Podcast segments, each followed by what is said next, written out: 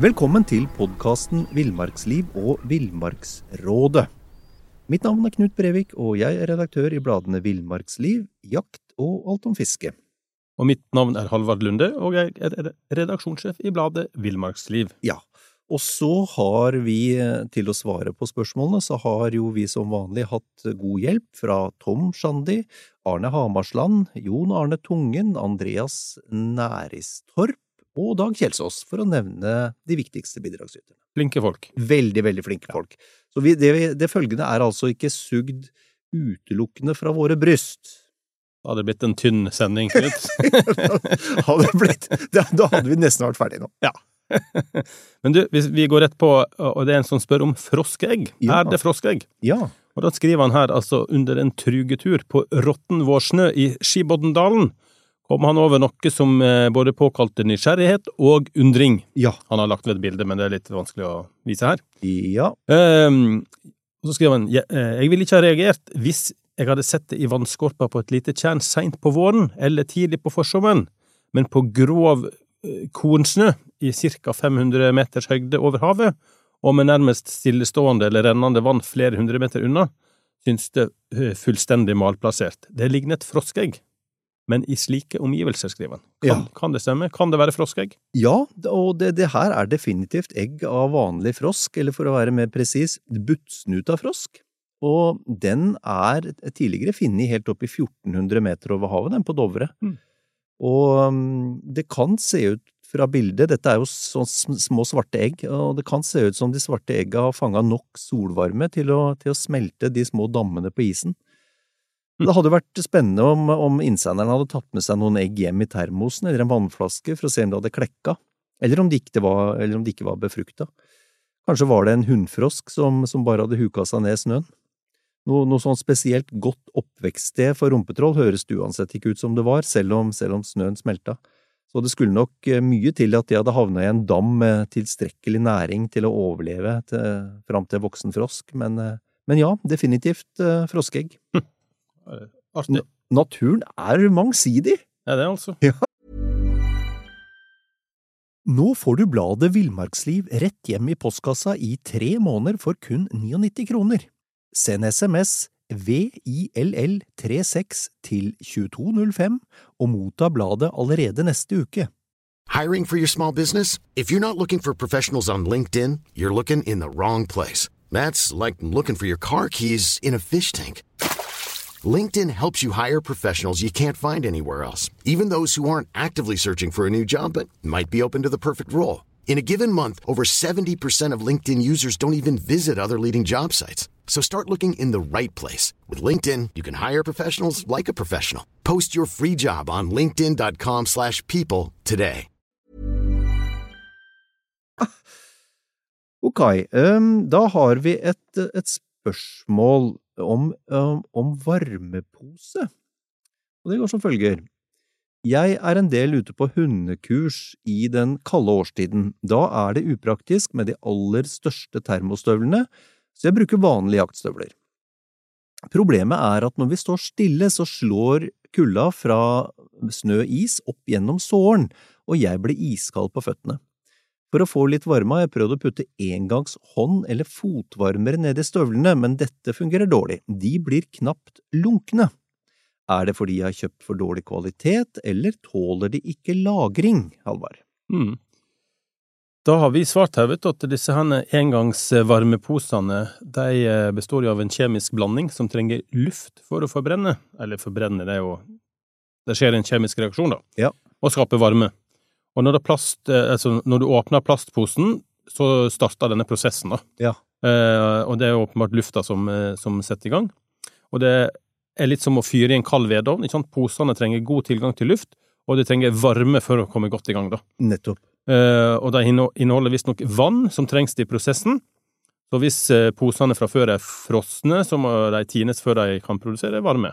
Akkurat. Og Det som da lønner seg, er å riste posen godt, og gjerne ha flere poser i lag, så de kan liksom hjelpe hverandre med å komme i gang. Mm. Og så putter de inn en varm lomme eller armkroken et par minutter til du kjenner at det er liksom prosessen er godt i gang. Uh, og, og når de da er så gode og varme at de er klar for å putte i støvlene, da kan du på en måte gjøre akkurat det, da. For da har du fått i gang denne varmeprosessen, og da vil de fortsette å produsere varme. Og så er det kanskje greit å ha støvlene litt sånn løst knytta på, og, og, um, og ta, litt, ta, litt, skritt hit og dit for å få, få, luft ned i støvlene, sånn at prosessen opprettholdes. Så vedkommende som, ja. som, sendte oss dette spørsmålet, hadde åpenbart vært litt utålmodig og lagt det ned for tidlig, altså? Ja. ja. Få i gang prosessen, så skal det gå bedre. Mm. Napp uten fangst, Knut. Der, der, der kjenner! Der kjenner vi oss igjen. så spør en leser her at uh, på en del fisketurer opplever jeg at ørreten napper i, sluket, altså i sluken, men uten å bli sittende fast. Hva kan jeg gjøre for å forbedre resultatet? Ja. Ørreten har bare vært bort på Napp og lurt litt? Ja, rett og slett. Det er jo ikke noe ukjent uh, fenomen. Altså, alle opplever jo at fisken kan være, være treg, og at den ikke biter skikkelig. Og noen ganger så hjelper det ikke med noe endring. Uh, at man, den er ganske enkelt ikke i bettet. Men, men, likevel så, så, er det ofte sånne småting vi kan gjøre, da, og umiddelbart så, så tenker vel vel eh, vi at du kan skifte til en annen sluk. I noen tilfeller så, så, virker det å bytte til samme sluk i en mindre utgave, hvis du har det. I andre tilfeller så kan det å bytte til annen farge gjøre utslaget.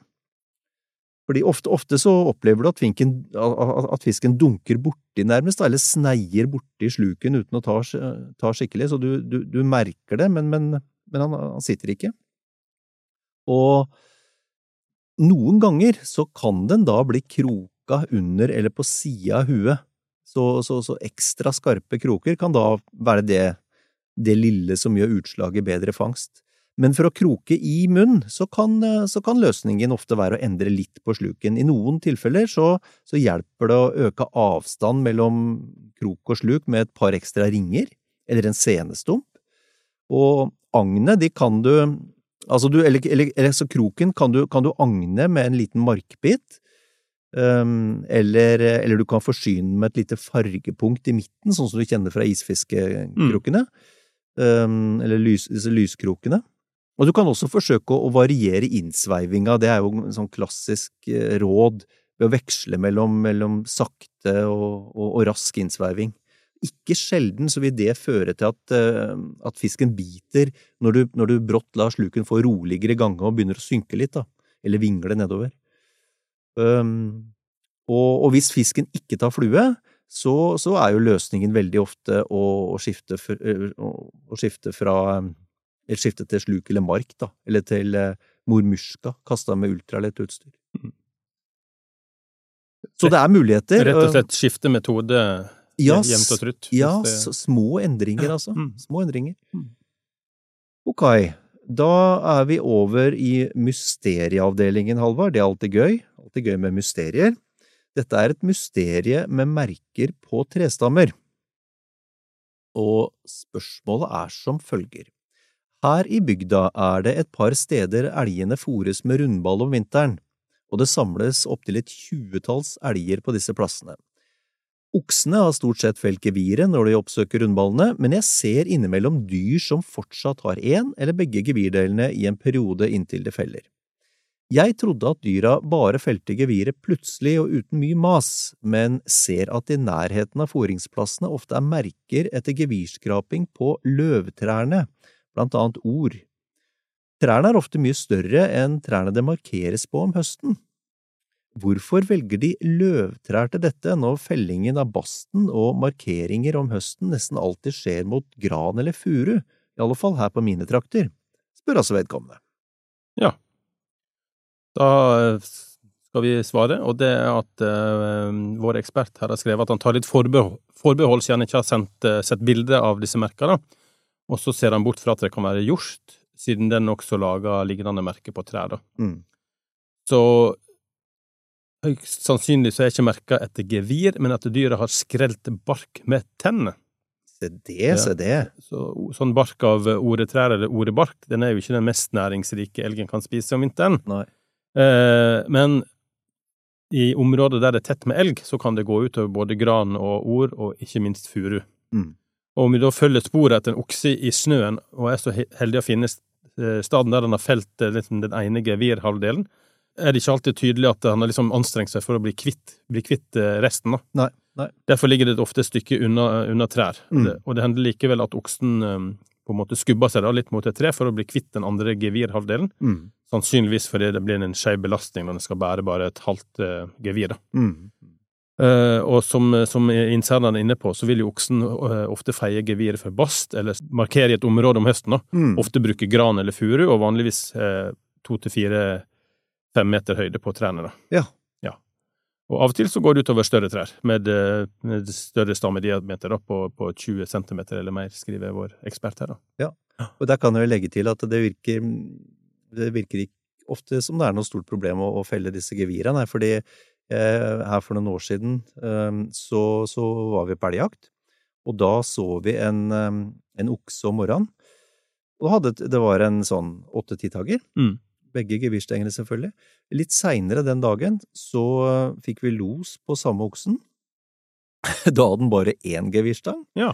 Og ytterligere etter et par timer hvor de hadde stått eh, lenge i los, så, så skøyt vi oksen. Ja. Og da Han løp jo ut i skuddet, løp en eh, 150 meter, noe som ikke er så uvanlig. Og da vi fant igjen den oksen, så hadde den ikke noe gevir. Og så begynte vi å reke Vi, vi fant det jo til slutt, da. Vi, vi reka oss tilbake igjen, og vi fant det geviret. Men, men det, det skjer ganske fort, altså. Når, Ja. gevir, eh, når, når geviret faller, så faller det. Og det kan skje, eh, om ikke, ikke helt synkront, så er det ikke, ofte ikke veldig, veldig lang tid fra første til andre faller. Nei, Spesielt. Vi skal snakke om allværsjakker og impregnering, Knut. Ja. Og så er det en innsender her som skriver at han i årenes løp har hatt flere typer allværsjakker som, som han egentlig ikke har vært særlig fornøyd med. Nei. Fordi at etter litt bruk så klarer de ikke å holde fukten ute, og han blir våt og kald eh, ganske raskt om det regner. Ja. Så da vil han gjerne ha tips hva som fungerer, eller eh, om han da må gå tilbake til den gode gamle regnjakka, da. Ja. Eller, ja, den tette regnjakka, for å holde, finne noe som kan holde han tørr. Ja. Det her tror jo ikke vi handler om merke eller type membran, egentlig. Alle, altså alle membranjakker og bukser, for den saks skyld, har et tekstilmateriale på, på utsida av membran som fungerer som beskyttelse for membran. Og selv om mange kaller den typen jakke for allværsjakker, så krever det ytterste laget ofte noe vedlikehold for at membran innenfor skal fungere sånn som det er tenkt. Etter en del etter en del bruk og, tre-fire runder i vaskemaskin, så er det lurt å impregnere jakka sånn at yttermaterialet ikke trekker fukt. Fordi hvis yttermaterialet blir vått, så kan fukt slå gjennom membranen. Og selv om du ikke får direkte gjennomslag av fukt, så kan det føles som om jakka er kald, fordi den, den trekker jo kroppsvarme da, for å få fukta til å fordampe. Og hvis du bruker tørketrommel etter at du har vaska jakka, så kan det virke, hva skal vi si, revitaliserende på den type på impregnering. Så, så vårt tips blir derfor bruk tørketrommel etter vask og impregner jakka etter tre–fire vasker for å sikre, for å sikre funksjonalitet. Putt, putt plagget i tørketrommelen på lav varme, det er viktig. Og, og husk at skitne plagg de tar ikke til seg impregnering, så, så dersom jakka trenger å impregneres, så må du gjøre det etter vask. Mm. Og impregnering den kan du spraye direkte på plagget, eller du kan tilsette det i vaskevannet når du vasker det. Og det koster sånn i ja, brispen 150–250 kroner. Men før, Knut, så het det jo at du ikke skulle vaske disse skalljaktene så ofte. Ja, det er Men riktig. det, det, det er jo feil i dag, da. Ja. Du, du skal vaske den, for det er en skitten jakke. Den, der tetter de porene seg, og den, den eh, ja, blir tettere, rett og slett. da. Så Ja. den får ikke ut fukten. Og, og for å si det sånn, jeg også holdt, holdt meg til det i, i lang tid, at det skulle ikke vaskes. Det lukter ikke godt etter hvert, altså. Det lukter ikke godt etter hvert. Vi skal over til et, et, et, eh, rådyrspørsmål, og om lang drektighet. Ja. Og så får vi, får vi et spørsmål her om at rådyrets brunsttid er i juli til august, men tjenet kommer ikke til verden før i mai-juni neste år. Nei. Det er jo en svært lang drektighetstid, like Ja. lang som hos mennesket. Hva er det egentlig som skjer? Ja, det er, det er, et, det er et godt spørsmål, eh, fordi rådyrkje trenger jo, trenger jo absolutt ikke så lang fosterutvikling. Det, det som skjer, det er at rådyret har noe som kalles for uh, forsinka fosterutvikling, eller forsinka implantasjon. Det er et fryktelig fint ord, men det betyr bare at det befrukta egget ikke fester seg til, til moras livmorvegg før mange måneder seinere. Og den fester seg for rådyrets del vanligvis i, først i november eller desember. og da starter utviklinga av fosteret. Og, og det er jo sånn Naturen er jo viselig innretta, da, Halvard. Mm. Eh, Fordi hvis egget skulle starta utviklinga umiddelbart, så ville kjeet ha kommet til verden på et veldig ugunstig tidspunkt, sånn rundt januar. Mm. Eh, og da er det ikke mye å, å, å leve av, holdt jeg på å si, og, og kaldt og jævlig er det. Så med forsinka fosterutvikling så kommer kjeet til verden på det absolutt mest gunstige tidspunktet, akkurat idet naturen bugner over av energirik mat for råd, sånn at hun kan produsere rikelig med melk. Og det her er veldig fascinerende, fascinerende Nå får du bladet Villmarksliv rett hjem i postkassa i tre måneder for kun 99 kroner. Send SMS VILL36 til 2205 og motta bladet allerede neste uke. Hey, it's Danny Pellegrino from Everything Iconic. Ready to upgrade your style game without blowing your budget? Check out Quince. They've got all the good stuff shirts and polos, activewear, and fine leather goods, all at 50 to 80% less than other high end brands. And the best part? They're all about safe, ethical, and responsible manufacturing. Get that luxury vibe without the luxury price tag. Hit up quince.com slash upgrade for free shipping and 365 day returns on your next order. That's quince.com slash upgrade. fenomen, for forsinka innplanting, den, den forekommer hos mange pattedyrarter her i, i nordlige strøk, eh, og foruten grevling og røyskatt, så forekommer det også hos, eh, som vi har snakka om, rådyr, eh, bjørn, isbjørn, Mm. flere mårdyr, flaggermus og, og sel. Og um, det her var riktignok ikke en del av, av spørsmålet, men nå er vi i dytten. Så, og grevlingen den har for eksempel en, en drektighetstid på, på åtte uker, den. Ja. Og, og får ungene i, eh, i februar og mars.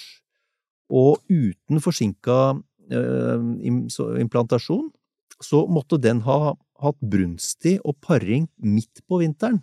Ja, for det er jo et naturlig spørsmål, da kunne ikke du bare utsatt brunsten? Ikke sant? Men det ville vært energimessig Ja, lite gunstig. All den tid, den, har- eh, den har vintersøvn, den ligger i hi på den tida.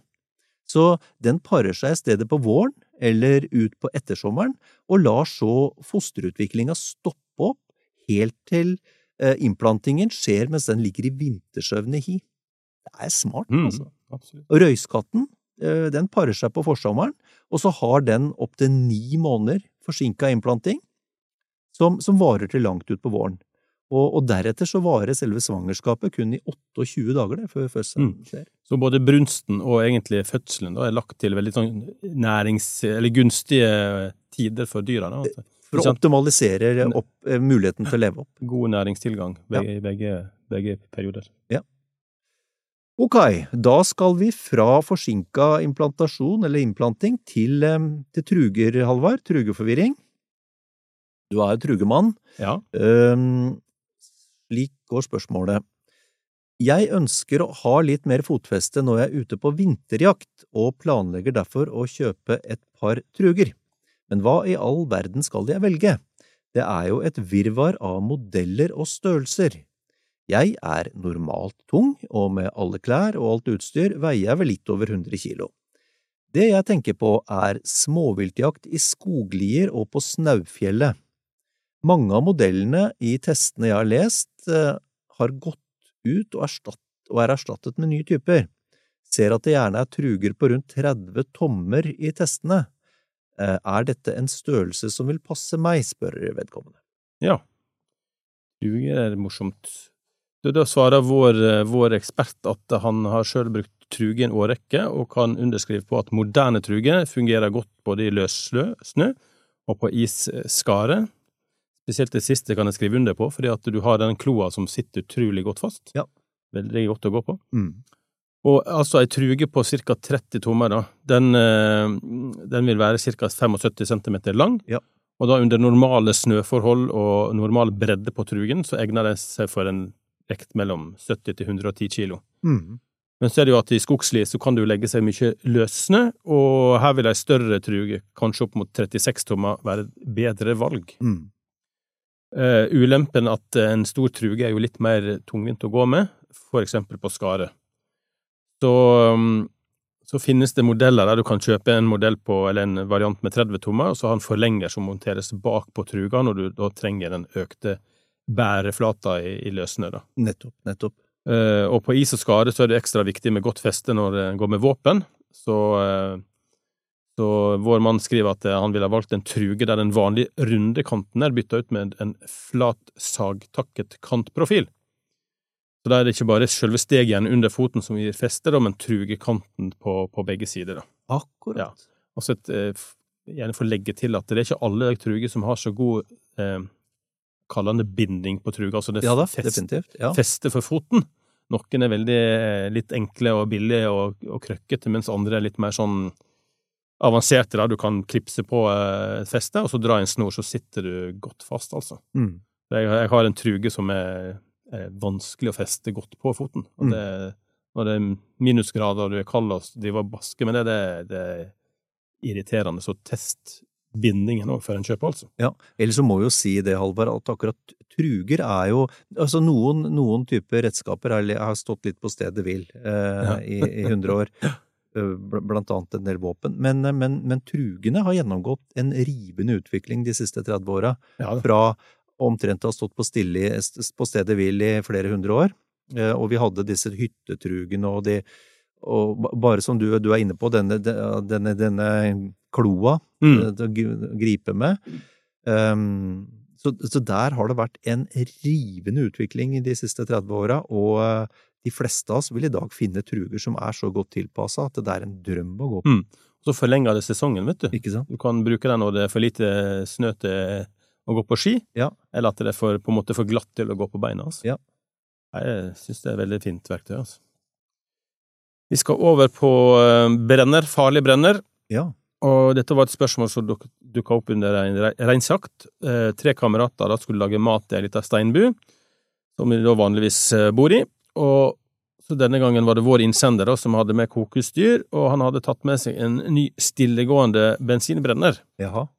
Og dette var jo bevisst valg, fordi eh, disse brennerne kameratene pleier å ha, bråka voldsomt mye i ei lita bu, da. Mm.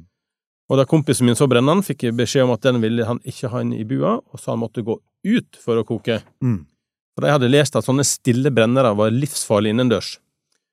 Og jeg trodde at en brenner var en brenner, og at eh, det uansett er noe man bør være forsiktig med innendørs. Mm. Det er jo for så vidt riktig. Men at min skulle være så mye farligere enn eh, de andre typene, det visste jeg ikke. Hva, hva er riktig her? Det fins en mengde brennere på markedet. Det er jo i hovedsak av to typer. Det er stillebrennere og virvelbrennere. Stillebrennerne de lever opp til navnet sitt og bråker relativt lite. Her føres brennstoffet inn via ei dyse i bunnen av et rør, og lufta kommer inn gjennom høl opp langs røret. Det gir en ganske jevn gass- og luftstrøm, noe som, som ikke forårsaker særlig bråk. I en virvelbrenner så kommer brennstoffet inn i bånn av brennkammeret, men der treffer det ei plate som sender en del av gassen tilbake mot dysa og forstyrrer gassstrømmen der. Det blir både turbulens og bråk når det skjer, og, og når, når, når gass- og luftblandinga antennes, da. Fordelen det er jo at, eh, at gass og luft blandes godt, sånn at forbrenninga skjer med nok oksygen til stede. Det gir nemlig lave utslipp av den livsfarlige gassen karbonmonoksid, CO. Um, For en stillebrenner greier ikke å blande miksen av luft og brennstoff like godt, så sannsynligheten for ufullstendig forbrenning, det er det som er farlig, Mm. sannsynligheten for ufullstendig forbrenning, den er større. Det øker faren for produksjon av CO-gass. Jeg regner med at det er den økte faren for CO-gass som kompisene til innsenderen tenkte på. Det kan i tillegg nevnes at virvelbrennere som regel er mer driftssikre og krever noe mindre vedlikehold enn stillebrennere. Mm. Ja. God lufting er vel et stikkord uansett, da. Det er det. når du holder på med brennere og gass. Ok, da er vi over på havfiske, Halvard. Eh, nærmere bestemt det man kaller en stingerkrok. Jeg fisker mye fra båt etter torsk, sei og kveite. Jeg har hørt om begrepet stingerkrok, men lurer på når jeg egentlig bør bruke det. Da har vår mann svart at stingerkrok, eller assistkrok som det ofte blir kalt, det blir brukt på jigga for å kunne kroke fisken bedre. Mm. Eh, til torsk og sei så mener vår mann at det er helt unødvendig. Eh, hvis ikke du har eh, jigga som har et veldig lite krokgap mellom da krokspissen og jiggkroppen. Mm. Til kveite så kan det være en fordel å bruke en slik krok. Assistkroker kan være både treble og enkelkroker, og det gjør at fisken ikke trenger å svelge hele jiggen før du kan gjøre tilslag. En assistkrok kan kroke fisken bedre enn enkeltkrok på jiggen. Mm. Så skal du slippe ut kveita igjen, vil jeg ha droppa assistkroken. Den skader vel mer Ja. Ja. Eh, Og vær obs på å tilpasse da krokstørrelsen til jiggen, og bruk kraftig kroke til kveita. Nå, ok. Da skal vi ha et spørsmål om en som, eh, som fryser i dunposen. Det er heller ikke ukjent, nei. Nei. Og i mange av våre tester så blir det anbefalt dunjakke og dunsoveposer til vinterbruk. Og han, eh, vår mann her eh, som har sendt inn spørsmål, han har eh, fulgt det rådet og gått til innkjøp av en relativt dyr vintersovepose med dun. Og han opplever likevel at han fryser om natta i den eh, posen, sjøl om da temperaturen ligger godt innenfor det som er anbefalt for soveposen. Nå. Han er godt vant til å ligge ute, og bruker ellers samme utstyr og påkledning i soveposen som han brukte med sin gamle sovepose med syntetisk isolasjon. Ja. Og han er ikke akkurat imponert over den nye soveposen. Har han kjøpt katta i soveposen, eller i sekken? Vi tror jo ikke nødvendigvis at han har gjort det. Eh, Det er litt vanskelig å, å gi eh, innsenderen et konkret råd ut fra det han skriver, eller hun, men det er to ting vi vil du skal sjekke. Og det ene er, er den nye soveposen smalere enn den gamle? I så fall kan det være at du har på deg for mye klær. For mye klær gjør nemlig at soveposen blir for trang, og vil derfor ikke fungere optimalt sånn, den, sånn den skal da, med tanke på isolasjon. Fordi eh, isolasjon er jo basert på prinsippet om at du har luftlag, og med, med for trang sovepose, så, så klemmer, presser du på en måte de luftlaga sammen, og så fungerer ikke isolasjon. Mm.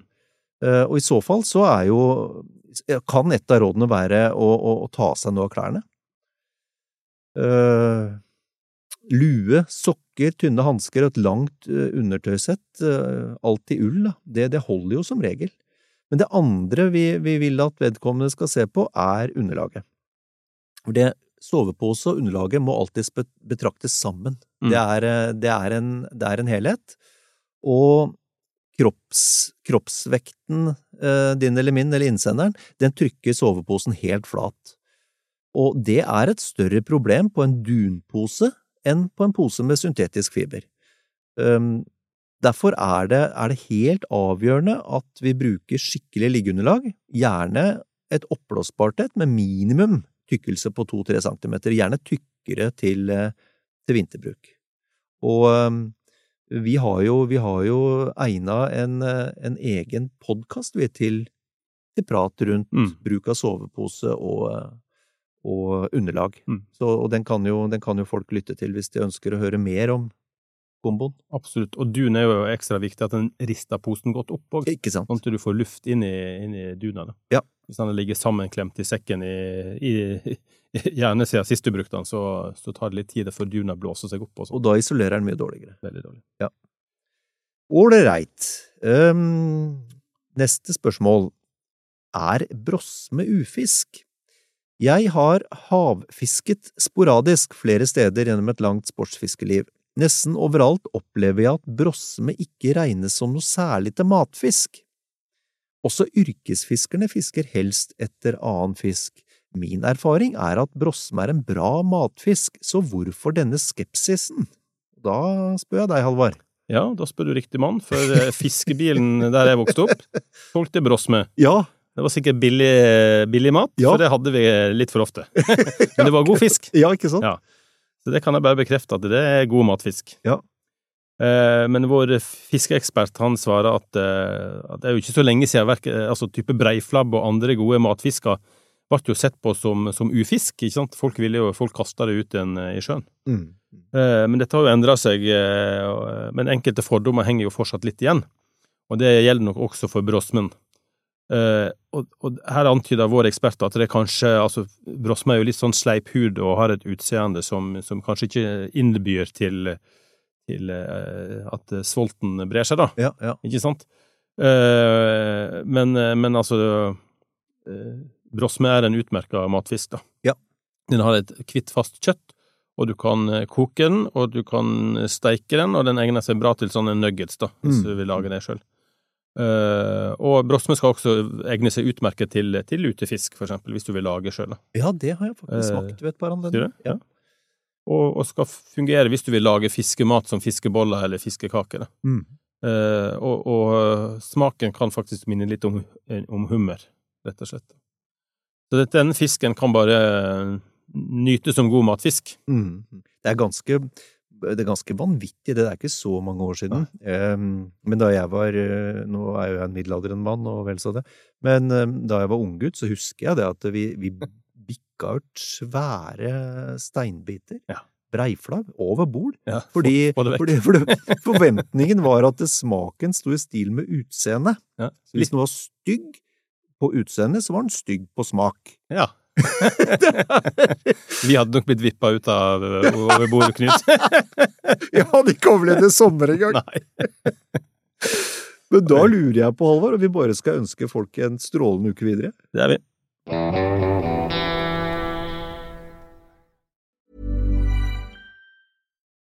Nå får du bladet Villmarksliv rett hjem i postkassa i tre måneder for kun 99 kroner.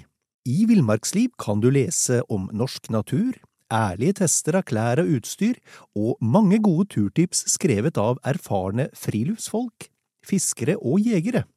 Send SMS VILL36 til 2205 og motta bladet allerede neste uke. Lev livet villere med bladet Villmarksliv. Even when we're on a budget, we still deserve nice things.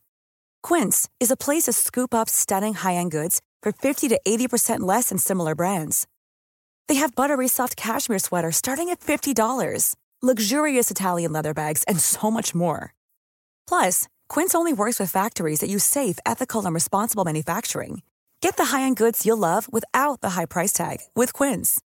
Go to quince.com slash style for free shipping and 365-day returns. Mom deserves the best, and there's no better place to shop for Mother's Day than Whole Foods Market. They're your destination for unbeatable savings, from premium gifts to show-stopping flowers and irresistible desserts. Start by saving 33% with Prime on all body care and candles. Then get a 15-stem bunch of tulips for just $9.99 each with Prime. Round out Mom's menu with festive rosé, irresistible berry chantilly cake, and more special treats. Come celebrate Mother's Day at Whole Foods Market.